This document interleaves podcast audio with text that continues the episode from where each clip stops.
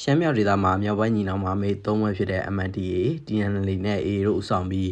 တစ်တုံညာနှစ်ခွန်စစ်စင်ရေးကိုဆင်နွှဲနေတာအခုဆိုရင်6ရက်မြောက်ရှိခဲ့ပါပြီ။လက်ရှိအချိန်ထိဆိုရင်စကမ်းမောင်ရကနနီပါအထိကိုညီနောင်မမေတွေဘက်ကထက်ခဲသိမ့်ပိတ်ထားနိုင်တဲ့အခြေအနေပါ။ဒီလိုအချိန်မှာပဲတရုတ်နိုင်ငံပြည်သူ့လူညွှန်ဝင်ကြီးဟာနေပြီးတော့ကိုလာရောက်ခဲ့ပြီးစစ်ကောင်စီခေါင်းဆောင်တွေနဲ့တွေ့ဆုံခဲ့တာရှိသလိုစစ်ကောင်စီရဲ့ကာကွယ်ရေးဝန်ကြီး ဗိုလ်ချုပ်ကြီးတောင်ဆန်းဟာလည်းဘေကျင်းမှာတရုတ်ရဲ့ဗိုလ်စစ်ကော်မရှင်ဒုဥက္ကဋ္ဌနဲ့နိုင်ငံနယ်စပ်လုံခြုံရေးကိစ္စဆွေးနွေးတာတွေလည်းဒီရက်ပိုင်းမှာရှိခဲ့ပါတယ်။ဒါဟာတိုက်ဆိုင်မှုတသက်ပဲလား။ဘာတွေထူးခြားနိုင်ပါသလဲ။နိုင်ငံရေးလေးလာသုံးသက်သူဦးတန်းစိုးနိုင်ငံတော့ဒါဟာတိုက်ဆိုင်မှုတသက်ပဲဖြစ်ပြီးတရုတ်အနေနဲ့နှစ်ဖက်ငင်းငင်းဆောင်ရွက်ဖို့တိုက်တွန်းရုံကလွယ်လို့ကြောင်းဝင်လာဖို့ရှိမှာမဟုတ်ဘူးလို့ဆိုပါတယ်။ကျွန်တော်တို့တရုတ်ပြည်ရဲ့အန်ဒမန်ကြီးကအာဆက်ဆံရေးနော် ကျွန်တော်တို့လှုပ်ထုံးလို့ရှင်းလာရပြောရင်တော့တရုတ်ကအဲဒီမြောက်ပိုင်းမှာဖြစ်နေတဲ့ကိစ္စတွေနဲ့ပတ်သက်လို့ပြောမယ်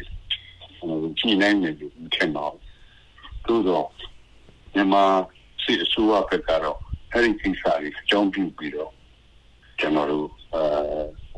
ပြောကောင်းပြောနိုင်ပါတယ်ပြောရင်လည်းသူကြီးညာချက်ထုတ်ပြန်ထားတဲ့အတိုင်းနော်ဒီကျန်းစွာဖြည့်ရှင်းရဖို့တစ်ဖက်ရှိရဆက်ကြဖို့ ဆိုရသဘောထားပဲပြောကောင်းပြောပါမယ်ဆိုတာသူ့မူရပဲသူပြောတာဖြစ်ပါတယ်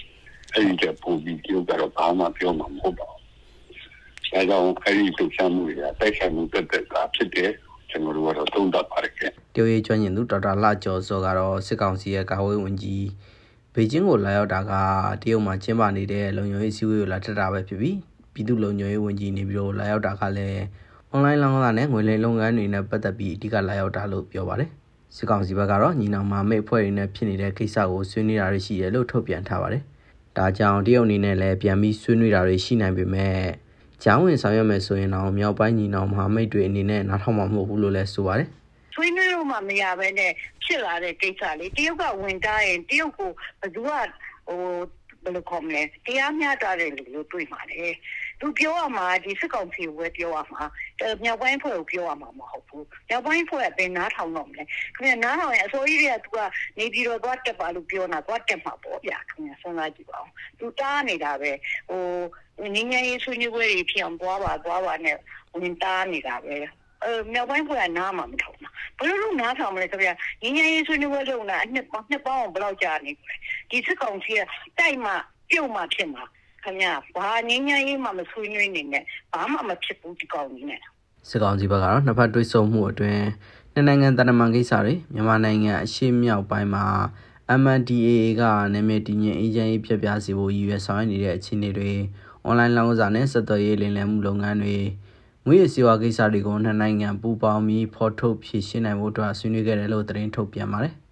တရုတ်ဘက်ကလည်းနှစ်နိုင်ငံဆောင်ရွက်နေတဲ့စီမံကိန်းတွေကိုရှင်းပြဆောင်ရွက်နိုင်ဖို့နှစ်နိုင်ငံလုံးညွန်ရေးအကြမ်းဖက်မှုနဲ့ငွေရစီဝါတိုက်ဖြတ်ရေးမဲခေါင်မြန်မာတရားဥပဒေစိုးမိုးရေးဆက်သွယ်ရေးလိမ်လည်မှုနဲ့အွန်လိုင်းလောင်းကစားတိုက်ဖြတ်ရေးစတာတွေကိုဆွေးနွေးခဲ့တယ်လို့ထုတ်ပြန်ထားပါတယ်။ကျွန်တော်ထားအောင်ပါ။